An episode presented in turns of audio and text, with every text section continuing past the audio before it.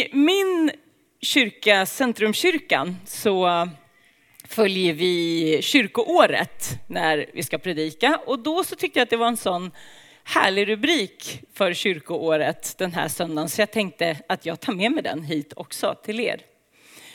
Eh, för rubriken, kyrkoårets rubrik för den här söndagen är Den gode herden. Och det var ju kanske inte det nyaste och mest annorlunda ni har hört. Och jag kommer använda mig av bibeltexten ur Saltaren, psalm 23. Världens mest utslitna psalm kan man tänka. Den är otroligt populär och miljoner människor har läst den miljontals gånger. Och man kan tänka att ja, men det är lite så här kurs 1A och välja den och predika ur. Eller så kan man tänka miljoner människor kan inte ha fel som har funnit kraft och styrka i den här gamla salmen. Psalm 23. Och sen var det en annan grej som en av de där bibellärarna när jag och David pluggade teologi lärde mig. Och det var att man kan öppna upp ett gammalt bibelställe och få det att dofta som något helt nytt. Han kallade det kaffedoften eller alltså Arvid Nordqvist-doften, för det var hans favoritkaffe och det är mitt också faktiskt. Alltså ni vet, jag har druckit, jag dricker omåttligt mycket kaffe. Eh, så jag har druckit liksom tusentals koppar kaffe i mitt liv. Arvid Nordqvist, jag tror det på riktigt. Jag är en sån där som klämmer tre koppar innan klockan tio på förmiddagen. Och ändå, varje gång jag öppnar ett nytt paket Arvid Nordqvist, ni vet va? Hur kan det lukta så gott liksom? Nu kom det något nytt igen. Och lite så hoppas jag att ni ska få någonting med er av den här söndagen när vi ska digga in i psalm 23. Herren är min herde. Jag tänker att vi, eh, jag läser den och så får ni helt enkelt hänga med i orden. Herren är min herde, ingenting ska fattas mig. Han för mig i vall på gröna ängar. Han låter mig vila vid lugna vatten. Han ger mig ny kraft och leder mig på rätta vägar, sitt namn till ära. Inte ens i den mörkaste dal fruktar jag något ont, ty du är med mig. Din käpp och din stav gör mig trygg. Du dukar ett bord för mig i mina fienders åsyn och du smörjer mitt huvud med olja och fyller min bägare till bredden. Din godhet och nåd ska följa mig varje dag i mitt liv. Och Herrens hus ska vara mitt hem så länge jag lever. Vi ber. Tack Jesus för att jag får fira gudstjänst idag tillsammans med den här församlingen. Tack för att tusentals kyrkor över hela världen får fira gudstjänst och fortsätta fira det som hände för två veckor sedan när vi firade din uppståndelse. Tack för att du är här ibland oss, du är stor och ofattbar och samtidigt ser du varenda en här och vad varenda en kom hit med. Och jag ber dig att du ska öppna den här salmen för oss idag var och en så att vi får en liten nydoft av den och förstår någonting mer av vad du vill säga. Amen. Jag tänker att den här salmen, den betyder saker för mig, både i mitt vanliga liv, alltså liksom en helt vanlig onsdag som är som alla andra onsdagar och när livet går sönder. Och eh, jag tänkte börja med eh, liksom tre sätt som gör att den här salmen håller mig lite grann på banan. En helt vanlig onsdag. När allt är hyfsat som vanligt liksom. Så hjälper den här salmen mig att hålla mig liksom på den rätta vägen. Det första, det är att den här salmen liksom talar om för mig att jag är en fårskalle. Alltså, egentligen tycker jag att det är ganska roligt och irriterande att Bibeln igen och igen påminner mig om det här med att jag är ett får och Gud är din herde. Kom ihåg det. Jag tänker att det på ett sätt är ganska liksom avtändande att behöva tänka det där att man ska vara en som bara följer. Jag tycker det är slående hur fokuserade vi annars är idag på ledarskap. Vi älskar att bara prata ledarskap som att det börjar där. Liksom. Men den här salmen tillskrivs kung David, en av Gamla Testamentets mest hypade ledare. Jag tycker det är så häftigt hur han inte börjar sitt ledarskap i liksom att betala tusentals kronor för en sån här UGL-kurs som jag skulle vilja gå, som finns liksom inom försvaret och polisen. Jag, jag skulle jättegärna gå en sån kurs, jag erkänner. Men för David börjar inte så. Utan det börjar med att han sitter ute i ödemarken och vaktar får och tittar på fåren och tänker, alltså jag är ju som er. Jag är ju verkligen, alltså jag är inte mer än er. Jag behöver också någon som leder mig. Och ja, men det kan verka lite så irriterande vid första anblicken det där med att jag ska vara ett får. Men när jag tänker på det lite mer så är det som att, ni vet den här luftslottskänslan vi alla går runt med. Jo, men jag har koll. Jag, jo, jag har visst koll. Det är som att den bara, puff. Nej, men du behöver inte ha koll. Det är som att jag andas ut, sänker axlarna och slappnar av. Det finns en känd forskare och författare som heter Brené Brown. Jag tror att det är några kvinnor här som nickar. Vi kvinnor älskar henne extra mycket. Det finns också män som gillar Brené Brown kanske. Jag vet inte. William, David? Ja. Ehm, men ehm, hon har liksom forskat jättemycket på det här med hur vår sårbarhet, alltså vår förmåga att säga, men jag är inte bäst, jag behöver er, jag behöver. Det är liksom vår styrka egentligen. Och för några år sedan så släppte hon ett så här TED-talk, ett tal på, på Youtube som blev så delat och alla liksom ville se Brené Browns tal och hennes forskning bara puff, tog fart.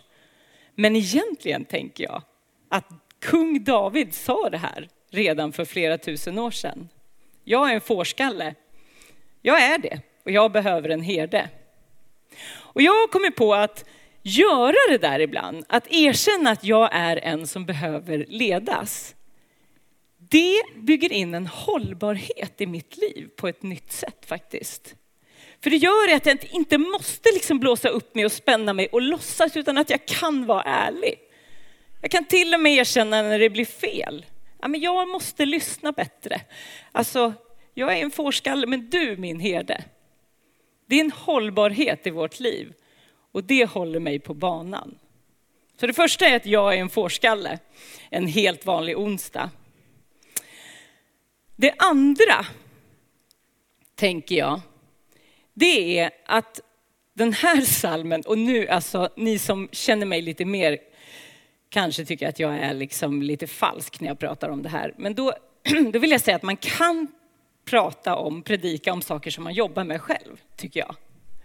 Någon gång har jag fått ett mejl från någon som liksom skriver så här, hur kan du som är pastor? Och då tänker jag så här, ja om inte den som är pastor erkänner vad man jobbar med, vem ska då erkänna? Tänker jag.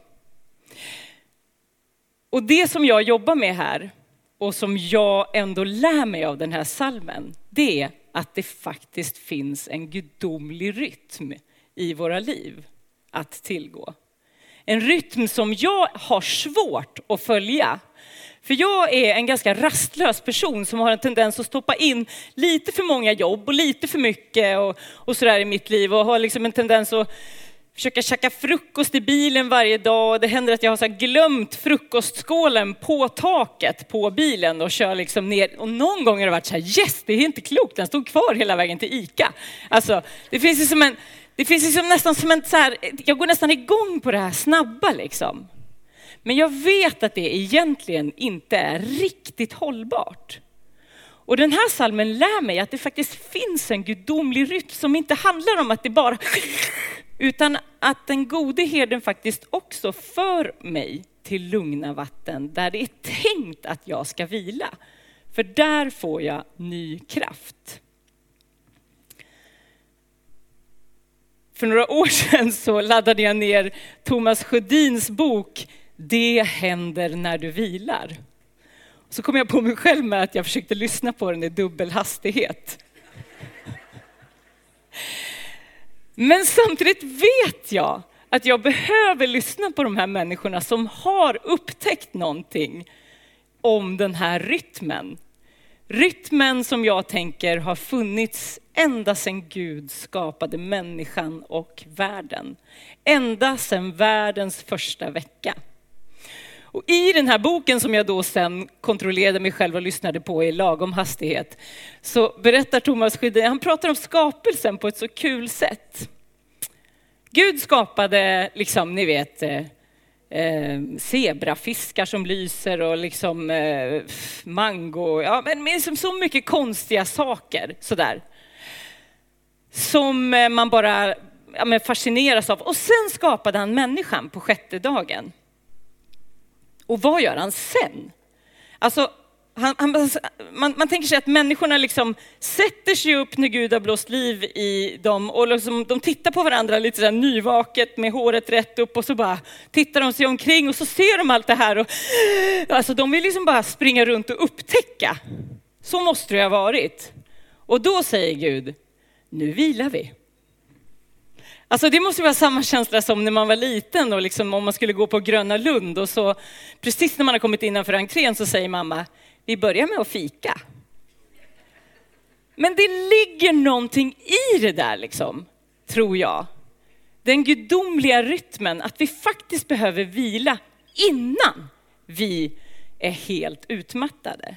För om vi alltid bara vilar när vi är helt utmattade, då kommer vi bara liksom vilja sova. Men om vi vilar i Guds takt, då kan han liksom på ett annat sätt tror jag ge ny kraft in i oss och liksom använda den där vilan till att nyskapa i oss. Och jag säger det igen, det här är någonting som jag jobbar med hela tiden. Att följa den här gudomliga rytmen, att försöka hitta den och liksom slå av och hitta mina lugna vatten i tid så att Gud kan liksom använda vilan till att nyskapa i mig. Så det första är att jag är en fårskalle som jag lär mig. Och det andra är alltså att det finns en rytm. Det går liksom mellan lugna vatten och ny kraft och gröna ängar. Och det tredje som den här salmen lär mig, det är att det finns rätta vägar. För det står det i den här salmen, det läste vi, han för mig på rätta vägar. Men det betyder ju att det också finns fel vägar, eller hur? Jag har en eh, kollega på dagen som är ganska så han är otroligt vänlig och snäll och rolig. Liksom. Så, så när jag berättade det här för mina barn så trodde de inte det var sant att han gjorde så här. Men eh, den här killen skulle åka till Arlanda en dag. Eh, och eh, ja, men det gick bra, liksom. han bor i Vällingby där jag bor. Och så, när han började närma sig avfarterna så skulle han till terminal 5 och han var lite osäker. Så han, han var stressad och liksom orkade inte plocka upp GPSen. Han tänkte det här måste ju ge sig och alla ska väl till terminal 5. Och så bestämde han sig liksom i huvudet för att den där bilen framför ska ju till terminal 5. Det ska den ju. Och så, så började han följa den här bilen framför utan att egentligen veta. Nu liksom bara följde, ja, terminal 5. Och han liksom svängde och svängde och svängde efter den här bilen. Och så plötsligt så kör den här bilen bara ner i något så här bussgarage. Och då blir min kollega så arg så att han liksom åker fram till den här bilen och bara, ja, han gjorde nog ännu fulare. Men alltså, eh, och det var liksom, den här bilen kan ju inte ha fattat någonting. Den här bilen hade inget, liksom, inget intresse av att leda min kollega. Eller liksom ingen plan för min kollega. Han hade ju bara liksom en plan för sina egna behov. Och ibland tror jag vi gör så där lite grann i livet. Vi bara tänker, men så här, ja, det här måste ju vara det bästa liksom. Och så är det bara en omedvetenhet som gör att vi gör som alla andra. Men den här salmen lär mig att det finns rätta vägar som han vill leda mig på. Han som har de rätta vägarna för mig. Och jag tänker att det ibland liksom är jag så fokuserad på att det är så svårt att höra hans röst och veta exakt vad han säger. Men när jag läser i Bibeln så får jag liksom känslan av att vi kan det. Vi har det i oss, vi har hans röst i oss. I Johannes evangelium kapitel 10, vers 4 står det så här. När han har släppt ut sina får går han före dem och fåren följer honom och därför känner de, känner de igen hans röst. Nej, förlåt. När han har släppt ut sina får går han före dem och fåren följer dem därför att de känner igen hans röst.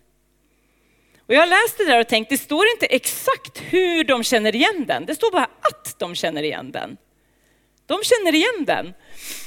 Och för en tid sedan så intervjuade jag i mitt jobb på dagen sångaren Gustav Norén, eh, före detta sångare i bandet Mando Diao.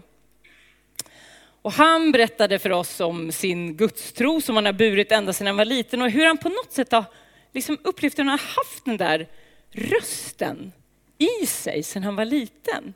Och när han kom till kyrkan så var det som att han kände igen rösten i kyrkan. Han pratade ganska grov dalmål, så han sa liksom så här, jag känner igen hans röst, alltså förstår du? Jag känner igen den som en person. Jag är jättedålig på dal, dalmål, men liksom, jag känner igen den där rösten som en person. Och jag tänker att Gustav Norén, liksom, han hade inte lagt tusen timmar i söndagsskolan, han bara hade det i sig. Och ibland tror jag att vi gör det där med att känna igen Jesus röst till lite liksom mycket prestige. Vi tror att det handlar om att vi måste ha läst si och så mycket Bibeln eller bett si och så många timmar. Men tänk om det är så att vi faktiskt har den gode herdens röst i oss och att vi behöver börja lita på det och lyssna. Det finns en röst och en personlighet som vi kan känna igen, tror jag. Och om vi låter bli att känna igen den så slipper vi hamna i ett bussgarage. Då kommer våra liv ledas till det som två av sångerna i början handlade om faktiskt, att våra liv kan bli en lovsång till dig. Tänkte ni på det? Att det var två sånger som handlade om det. Och det är där vi hamnar om vi följer den goda rösten. Det var tre saker som hjälper mig på banan en vanlig onsdag. Det första, jag är en fårskalle, jag behöver inte låtsas som något annat. Det andra, det finns en rytm. Jag måste öva på att hitta den och vila innan jag kraschar. För det är så Gud har tänkt. Och det tredje, vad var det tredje?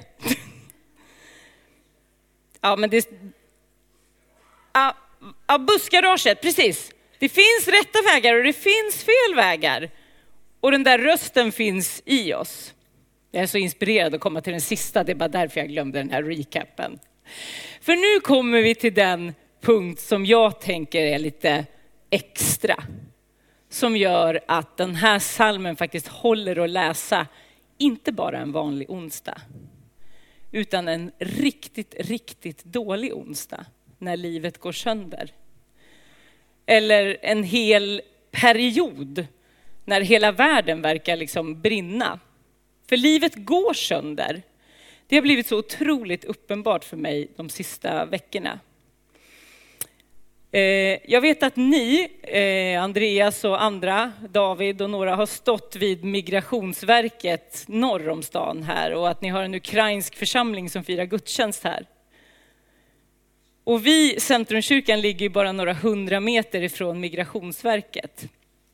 Och där har jag de sista veckorna verkligen fått liksom tugga på att livet går sönder för människor. När mina liksom vanliga onsdagar har kraschlandat in i vardagarna för de här människorna som har bara rest sig upp och flytt kriget.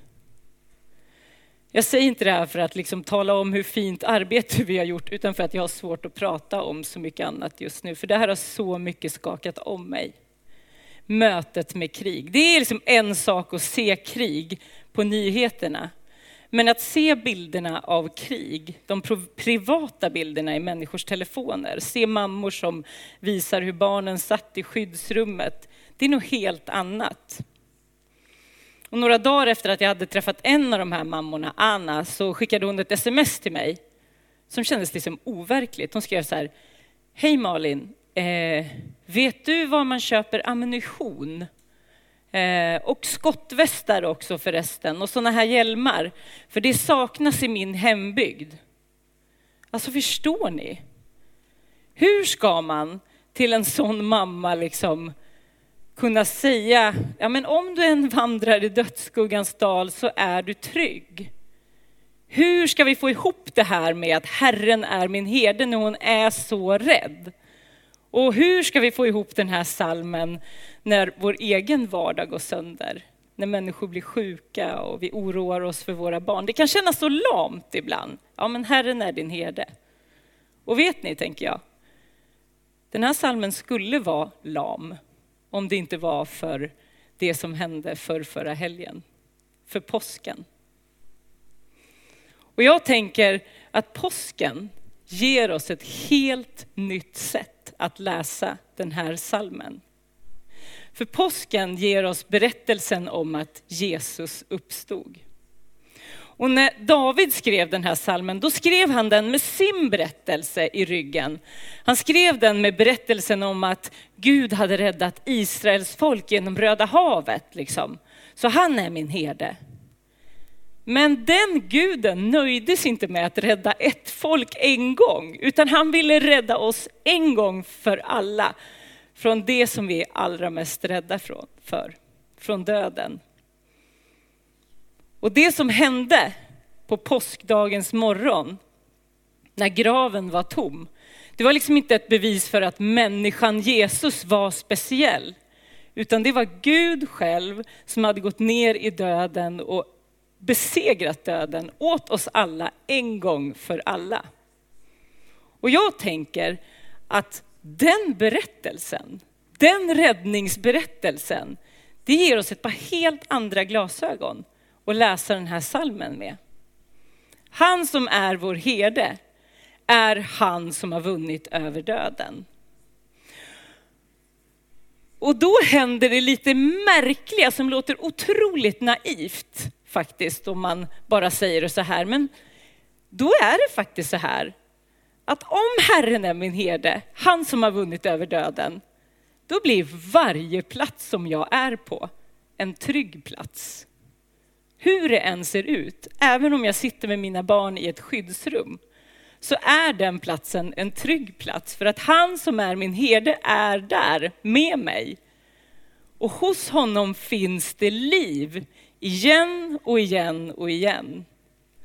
Och även om det värsta av, av, av det jag fruktar skulle hända så finns det mera liv tillsammans med honom efter döden. Och därför så kan jag läsa den här salmen och tänka, ja, jag är på en trygg plats oavsett. Herren är min herde, han som har vunnit över döden. Nu vill jag avsluta med och läsa den här salmen en gång till.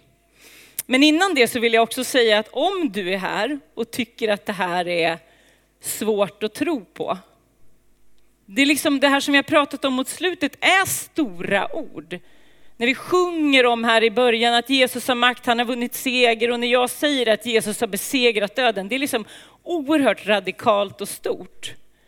Men jag brukar säga så här, ja, men om du känner att det är liksom oron för allt som händer i livet här och oron för döden är liksom mer påtaglig än hoppet en sån här söndag. Om du känner det, så testa att använda den här stunden till att bara vila dig i det som är liksom kyrkans tro en stund.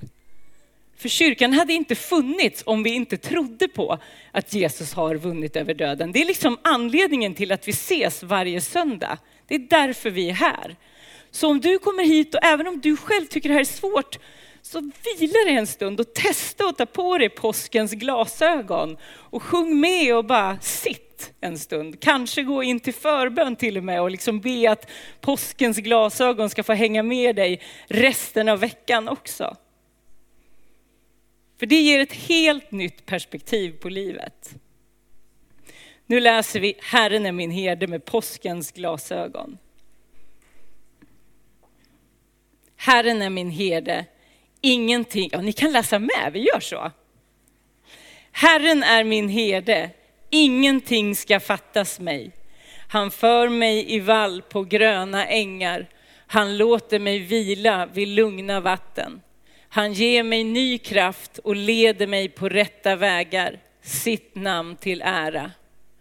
Inte ens i den mörkaste dal fruktar jag något ont, ty du är med mig, din käpp och din stav gör mig trygg.